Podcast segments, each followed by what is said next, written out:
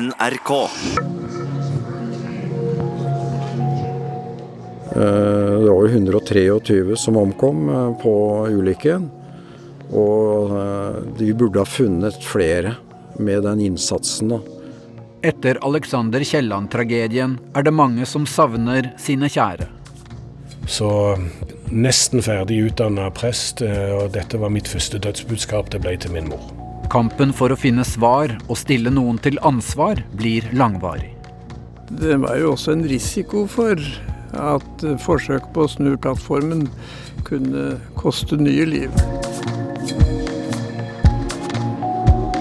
Du hører tredje og siste del av hele historien om Alexander Kielland, oljeplattformen som veltet, av Edvard Hambro.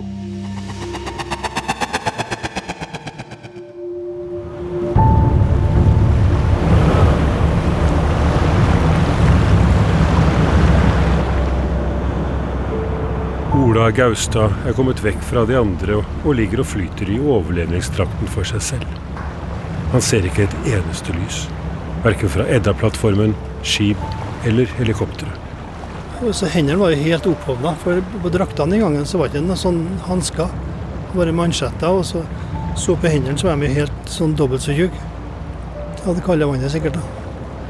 Vet ikke, men jeg tror det gikk kanskje bortimot en tre kvarter, en time. Så kommer det en båt imot meg. Det var et sånn ankerhåndteringsfartøy som ikke hadde noe nett på sida og sånne ting. Men de hadde liksom hørt om ulykker som kom mot, mot feltet. da. Så når de, de kom nærme meg, så kastet jeg meg til livbøye. Så jeg fikk tak i den livbøya. Og jeg vet ikke om jeg kom meg inn i den, eller om jeg bare tok armen rundt, det husker jeg ikke på. Men jeg ble i hvert fall dratt inn til den båten. Den eh, styrmannen om bord. Han hoppa på sjøen med, li, med line rundt seg. Og fikk tak i meg på noe vis, og så fikk de dratt meg om bord. Og da besvimte jeg. Da, da var jeg helt borte. Så hadde de skåret av meg drakten, har jeg fått forklart. da. Og så ble jeg dratt innpå en lugar der. Alt rista og skjelven og sikkert nerver og sikkert frysing og alt mulig. Og der lå det faktisk en som de hadde redda før de traff meg. Og han, eh, han lå så helt blå ut, så han tenkte han den kan ikke leve så mye lenger. Men jeg leste om ham i et ukeblad og så at han faktisk har ligget 14 dager på sykehus med han berga hånda. Men eh, når jeg sto der og skalv, da, så, så spurte jeg om det noe du har lyst på. Og da husker jeg på at jeg sa at jeg har ikke noen pærer? Eller noe, eller noe champagnebrus? Av en eller annen grunn er det sikkert svørt mye salt- saltvann og sånne ting, så jeg tenkte at det må være tingen. Og da så fikk jeg jo det. Champagnebrus og pærer. Spiste jeg jo det og, og spydde som en gris. Men det, da begynte det liksom å roe seg litt. Spurte om å få noe konjakk, men det var ikke snakk om. Liksom for å roe ned litt nerver. Nei, det var bare ta med ro. Så den båten het for Tender Power, og det var jo redninga mi, da. Så hørte jeg radioen, det var sånn sørgemusikk på radioen. Jeg kanskje det har noe med ulykka å gjøre, for jeg var usikker på hvor omfattende det var. Og så husker jeg bare tenkte at jeg håper jeg slipper å reise tilbake til, til Albuskjell Alfa, der jeg jobba. For nå er det å komme hjem, for da hadde jeg vært ute ei uke, hadde ei uke igjen. Men det var ikke snakk om å reise tilbake dit, vet du. Det skjedde ikke da. Ja, det var nå liksom det som skjedde.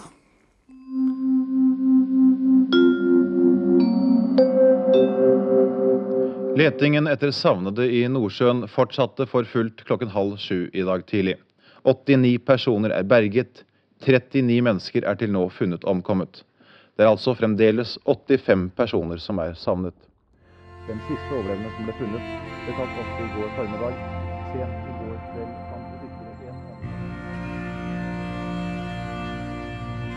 Radiooperatør Harry Vike har tilbrakt natten om bord i livbåten sammen med et tjuetalls andre oljearbeidere. På morgenkvisten blir de heist om bord i redningshelikopter, én etter én.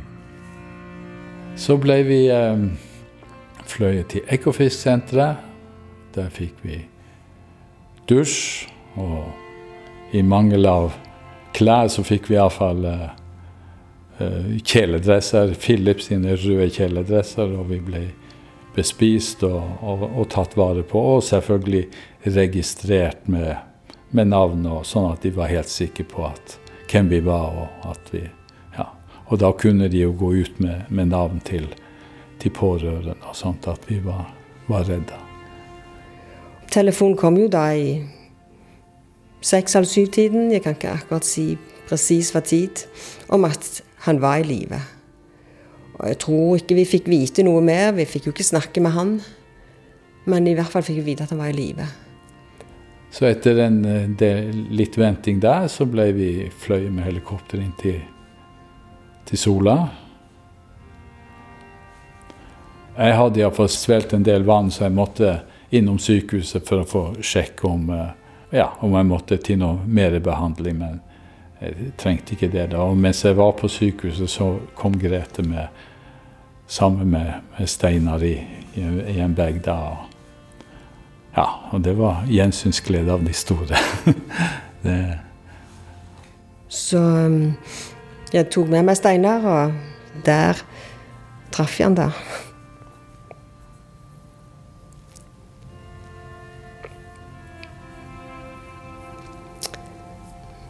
Ja, det var jo spesielt.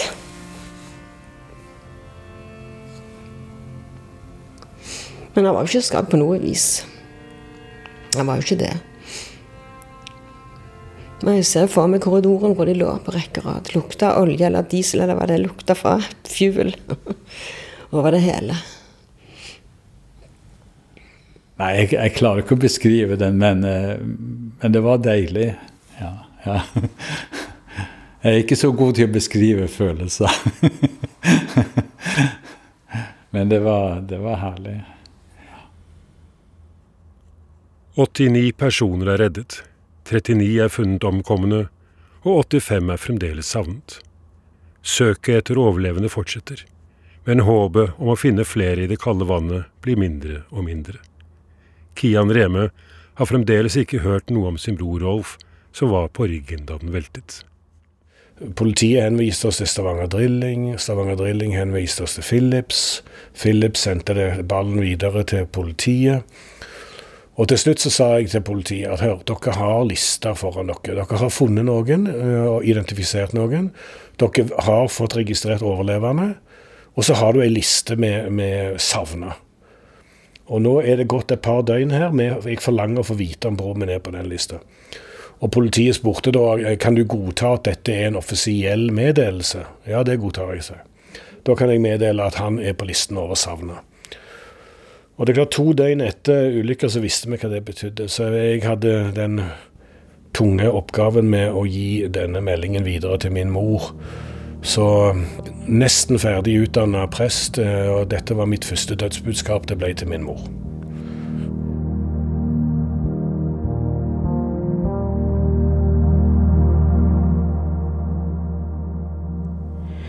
Og så gikk vi da fra, fra torsdagskvelden til eh, lørdags ettermiddagen. Før vi fikk vite noen ting. Merete Haslund går flere dager uten å få noe budskap om faren sin. Og så hadde jeg en veldig, og jeg har fortsatt, veldig god venninne. Hun var en sånn klippe. Når jeg ikke klarte å være hjemme, så løp jeg opp til henne, og de var fantastiske, hele familien, med, med oss. Vi dro til byen på lørdagen. Da hadde vi ennå ikke fått vite om pappa var omkommet. Eh, og så sier jeg at Men hvis jeg møter noen, så vet jeg ikke om jeg klarer å si noe. Slapp helt av. Jeg snakker. Ah, de, de, dagene som man gikk da og venta, og som ikke vi visste noen ting, og vi venta på denne her eh, grå skivetelefonen som skulle ringe, og som aldri ringte. Eh, så når vi kom hjem da på lørdags eh, ettermiddagen i halv tre-tre-tida, så fikk vi vite at pappa ikke hadde klart det. Men det visste jeg. Jeg visste det hele tida. Jeg var 13 år, jeg visste det hele tida. Dykkerskipet Falcon Sea med Vigulf Skjøll og makkeren hans, Magne Liaskar, kommer frem til Eddariggen på fredag den 28. mars. Klokken 20.45, nesten nøyaktig ett døgn etter at Alexander Kielland veltet, blir de senket ned på dypet. De skal både sjekke at alt er i orden med rørene fra boreringen Edda, og de skal lete etter de druknede. For en vanlig menneske så er pri én å ta vare på de pårørende og, og um, konsentrere seg om det menneskelige. Mens her var nok pri én egentlig også å se den totale sikkerheten da, gjennom anlegget på, på Edda. Og rør, at det var to rørledninger som gikk fra Edda til Ekofisk-senteret. En olje og en gass. Og at det påsi at de var intakte. da.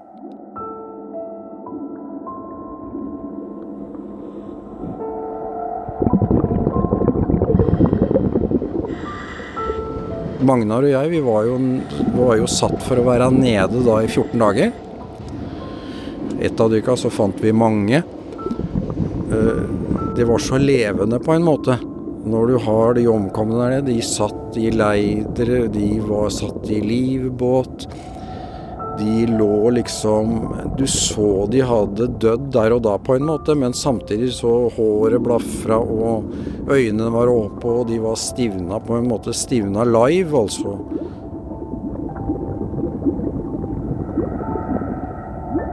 Tippingen skjedde jo veldig raskt, og dødsøyeblikkene var sikkert um, kom også kjapt på, slik at du fikk en, en, nesten en sånn forfrysning og låsning. da.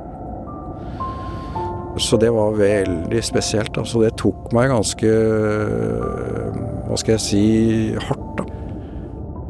Slik at jeg kommuniserte med de som satt i, livbåten da, og, og, fikk eh, Ja, dere får eh, Nå skal jeg ta deg, og så svømmer jeg han til basketen, og så setter jeg han fast, og så kommer jeg tilbake og henter deg. Og det var liksom på en måte sånn jeg klarte å, å, å drive det frem på, da ved nesten å ha å prate, prate meg gjennom på en måte. Vi fant en knust livbåt. Olje og gass, der er det liksom Det er tunge saker. Og så det var en del knusningsskader, og dette var jo på en 70 meters dyp. Og når man tar disse opp så vil man få nærmest en uh, veldig rask dekompresjon, som kan da gjøre at uh, det blir ganske grufulle syn der oppe. Da. De som var oppe, jo, skal jo ta imot dette, de omkomne. Da. Og det ble jeg fortalt at det var ille. Så, så det var eh, Vi hadde hver vår måte å behandle situasjonen på. Jeg hadde min med at jeg pratet meg gjennom og og hadde kontakt med de døde, får jeg nesten si. da.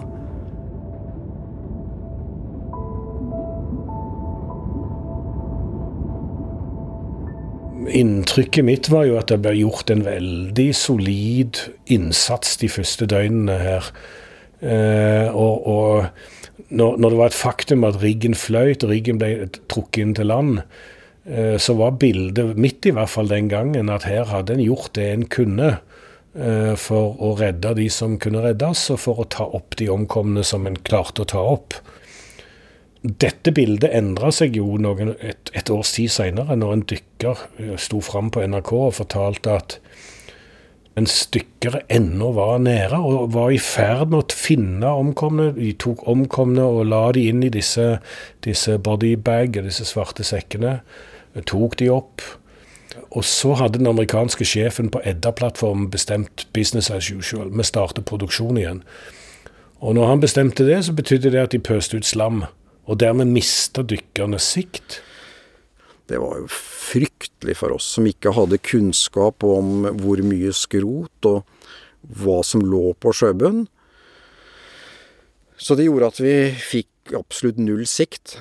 Og det gjorde at uh, da å se etter de omkomne, det, ble, altså, du, du, det var veldig tilfeldig uh, at man fant omkomne. Og, og, når du fant det, så kom du rett på det. Du kom så tett innpå at du nærmest du måtte ta på håret eller en arm eller ja. Så vi tok det opp uh, om bord og syntes dette var veldig stygt. Det var ille for oss. og jeg mener jo det at vi ville ha funnet flere. Eh, det var jo 123 som omkom eh, på ulykken. Og eh, vi burde ha funnet flere med den innsatsen, da. Pri 1 burde vært egentlig pårørende i en sånn setting, hvor man hadde så mange savnet. da.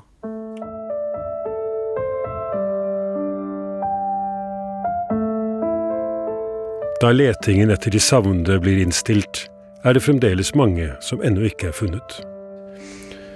Og en av de viktigste grunnene til at det var 30 oljearbeidere som aldri ble funnet, er rett og slett at uh, den amerikanske Texas-kulturen uh, ennå rådde.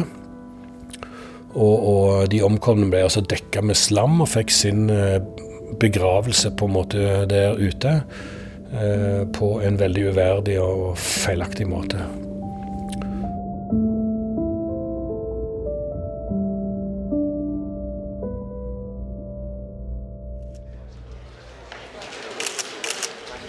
På sitt møte i dag eh, tidlig klokken ni har regjeringen da besluttet at det så raskt som mulig skal nedsettes en undersøkelseskommisjon. Statsminister Oddvar Nordli er raskt ute med å erklære at regjeringen vil gjøre alt som står i dens makt for å finne årsaken til tragedien. Det den skal gjøre, det er eh, å bringe klarhet i eh, hva som har skjedd årsaken, årsakssammenhenger. I det hele tatt alt som kan eh, gi oss svar på de mange spørsmål vi her sitter inne med, for å få klarlagt så langt som overhodet mulig hendelsesforløp og årsak til dette. Alle som har overlevd, blir kalt inn til politiavhør for å gi sin versjon av hva som har skjedd. Og så måtte jeg jo på politiavhør og med, med PT, eller som det heter i dag, da, med Oljedirektoratet og greier og forskjellige. Og jeg måtte jo betale de turene opp og ned til Stavanger. Så spurte jeg hvem som skulle betale det. Ja, det er Philips Petroleum, det er jo det som står ansvarlig for uhellet her. Og var til Philips med reiseregning på Det var jo ikke all verden med penger, men penger var nå penger. Jeg var nå nygift og Nei, de var ikke interessert i å betale. Og sånn gikk jo saken frem og tilbake over lang tid. Og til slutt så kjørte jeg nedom kontoret og ga beskjed at jeg går ut ifra VG og Rogalandsavis betaler bedre for den der eh, reiseregningen enn dere gjør, så er det opp til dere. Får en halvtime på dere til å ordne opp. Og da var det cash i neven. Da var den saken oppe og avgjort. Og så hadde de en Philips, en eh, en seanse der de skulle takke alle som hadde hjulpet. Og takka være en sjef som jeg hadde ute på Ekofisk, da. Han, eh, det var han som gjorde at jeg fikk å komme der, da. Og da fikk jeg en liten plakett hos Philips og en kulepenn uten nok innskrivning på, da. Men det, det var nå greit. Og den seansen var helt grei, helt til Philips-ledelsen sier at ja, nå kan alle drikke så mye de vil og, og glemme hele historien. Og da var det meg og tre-fire andre, eller et mannskap fra en supplærbåt, vi bare gikk. Den 19. april blir Alexander Kielland tauet inn til Kårstø, og senere blir den flyttet til Stavanger. Under slepet rigger man til et nett som henger i akterkant av plattformen, slik at eventuelle omkomne som flyter opp, ikke skal bli borte. Noen av de savnede kan befinne seg inne i boreriggen, og det er derfor viktig å få snudd den. Ikke bare for å finne eventuelt omkomne, men også for å lete etter spor som kan forklare hvorfor tragedien skjedde. Men Alexander Kielland blir liggende opp ned i oljebyen i tre og et halvt år før den endelig blir snudd. For de pårørende til dem som ennå er savnet, er dette lenge å vente alle som mister folk i brå død og ung død. For oss alle så er det et enormt sjokk, et fryktelig tap, eh, som eh, kaster oss inn i en, en, en, eh, en, eh, veldig sterk sorgprosess. Men det helt spesielle her, det er at hvis du tenker deg at du hadde en fiskebåt som da uh, var kveltra og lå opp ned uh, hvis du da tenkte deg at, at, de omkomne ikke ble tatt ut, så ville det vært veldig uverdig. Og det var sånn vi opplevde det. Det var, det var, en, eh, det var en, uverdighet i at her hadde altså folk som hadde bidratt til å, å bygge velferdssamfunnet med store ressurser som gikk inn til hele det offentlige Norge. her ble noen altså noen gjorde seg jo til talsmenn for bare å kvitte seg med riggen og senke riggen med de omkomne om bord. Og for oss ble det en ganske grov krenkelse av, av, av oss som berørte, altså. Så derfor var kampen for oss viktig. Og jeg tror at det er litt rart at du må kjempe for sånt etterpå. å ha vært gjennom en privat sorg. Eh, men kampen for å få snudd riggen ble veldig, veldig viktig for oss, og bandt oss sammen. Først går statsminister Oddvar Nordli inn for snuing, men det første forsøket blir stanset i desember 1980. Deretter lover regjeringen Gro Harlem Brundtland også at den skal bli snudd, men ingenting skjer. Det begynner å gå rykter om at regjeringen helst vil senke riggen, men Arbeiderpartiet slipper å ta denne avgjørelsen. Høsten 1981 overtar regjeringen Willoch ansvaret for skjebnen til Alexander Kielland. Det var jo også en risiko for at eh, forsøk på å snu plattformen kunne koste nye liv. Og denne regjeringen er imot å snu plattformen. Og eh, man kunne jo mene at eh, risikoen for å tape flere liv tross alt måtte veie sterkere enn det meget forståelige håpet om å finne de døde som eventuelt måtte kunne finnes under vraket. Så vi var av den mening at den stuingen som han hadde prøvd først og ikke hadde klart, den fikk man heller gi opp for å unngå nye alvorlige ulykker. Når dette begynte å drøye, og det begynte å bli stemmer som sa at kanskje ikke skulle snu riggen og alt dette, så er det klart jeg tok da et initiativ for å, å presse på regjeringen for å få gjennomført denne snuoperasjonen så raskt som mulig. Og I stedet for noen måneders aktivitet så ble dette Eh, nærmest eh, heltids heltidsengasjement for meg i noen år framover, til riggen var snudd. Først tre og et halvt år etterpå. Og så høsten 83 fikk vi endelig snudd riggen. Reme kjemper mot tre regjeringer, men til slutt seirer han. I mai 1982 pålegger Stortinget mindretallsregjeringen Willoch å snu riggen. At Stortingets vilje skulle selvfølgelig følges, det skulle bare mangle. Og eh, det lyktes jo å snu plattformen. Eh, vi fikk heldigvis ingen av de alvorlige ulykkene som det hadde vært all sterk grunn til å frykte. Men man fant jo bare seks av de døde i vraket. Eh, og deretter så var det jo helt naturlig å senke plattformen. Og det var det vel lenge også full enighet om at man måtte gjøre. For forsøk på å hugge den opp kunne koste nye liv. Og det var det forsøket ikke verdt, for å si det svært forsiktig. Snuoperasjonen kostet mer enn hva eieren Stavanger Drilling betalte for riggen som ny. Det var ventet å finne mange omkomne om bord på Alexander Kielland, men bare levningene etter seks personer blir funnet. Remes bror Rolf er ikke en av dem. Han var da blant de som ikke var om bord. Han var altså ikke eh, ble ikke funnet. Dette med snakk om verdig grav før riggen var snudd, eh, aksepterte vi aldri. Men når riggen ble snudd, og det var fortsatt 30 som var savna, eh, så tror jeg jeg kan si at både min familie og, og de andre, familiene til de andre savna, da slo vi oss til ro med det. Da da var havet blitt en verdig grav.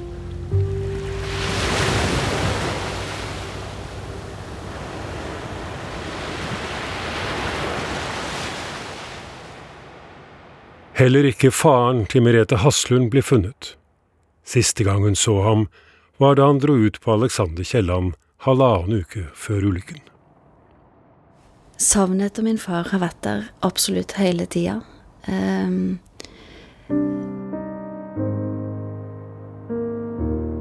jeg tror at uh, min far og meg, vi var ganske like det der med å ha en som du kan identifisere deg med, som du, du vet du egentlig er ganske lik, det, det, det gjør savnet enda større.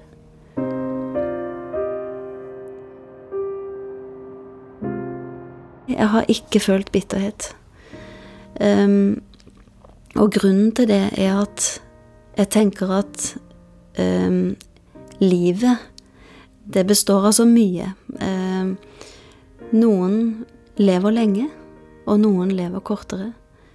Noen dør av sykdom, og noen dør i en ulykke. Det vet man ikke. Og det er grunnen til at ikke jeg føler bitterhet. Man skal dø, men man vet ikke når og hvor og hvordan.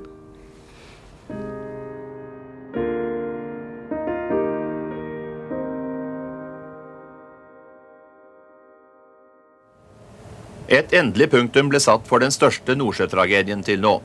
Regjeringen avviste alle nye planer om disponering av Alexander Kielland-plattformen. Og den 18. november ble plattformen senket i Nedstrandsfjorden i Ryfylke. Snuingsoperasjonen hadde kostet 250 millioner kroner. Men punktum var på ingen måte satt. Alexander Kielland-ulykken var en nasjonal tragedie. Den var skadelig for Norges ry som moderne oljenasjon. Stavanger Drilling, som eier av plattformen, fikk utbetalt hele assuransepremien på 400 millioner kroner. Den norske granskingskommisjonen hadde konkludert med at ulykken skyldtes et retthetsbrudd i en sveis i et av stagene. Det var altså det franske verftet CFEM som fikk skylden. Franskmennene selv undersøkte vraket i detalj etter at riggen var snudd, og kom med sine konklusjoner fire år senere. Der slo de fast at det ikke var sveisen som var hovedårsaken, men feil drift av riggen. Det var med andre ord eierne og operatørene som selv hadde skyld i katastrofen. Det var Norge mot Frankrike. Ulike teorier om årsaken til ulykken lever videre. Det man vet, er at ingen er blitt stilt rettslig ansvarlig for tragedien der 123 mennesker mistet livet. I ettertid så mener jeg det er veldig tydelig at den granskingen som ble utført, var, ikke var tilstrekkelig. Eh, de gjorde en del viktige funn, men det er ikke tilstrekkelig. Eh, og vi har jo senest nå i de siste årene fått ny dokumentasjon om forhold knytta til ulykken som har vært helt ukjent inntil nå. Så for oss, for det er godt over 100 av oss som nå har organisert oss i et nytt Kielland-nettverk, og vi slåss nå for å få gjennomført en ny granskning, eh, rett og slett fordi at eh, jeg mener at det norske samfunn ikke kan leve med at vår histories største arbeidsulykke fortsatt framstår som uoppklart. Eh, og det, Da skylder vi oss sjøl og vi skylder framtidige generasjoner at vi gjør alt vi kan for, for, å være sikker på at vi har forstått årsaken til ulykka. Konoko Phillips ønsker ikke å kommentere Alexander Kielland-tragedien i denne dokumentaren. Selskapet viser til at tragedien er grundig belyst, og ser ikke noe behov for ny granskning av ulykken.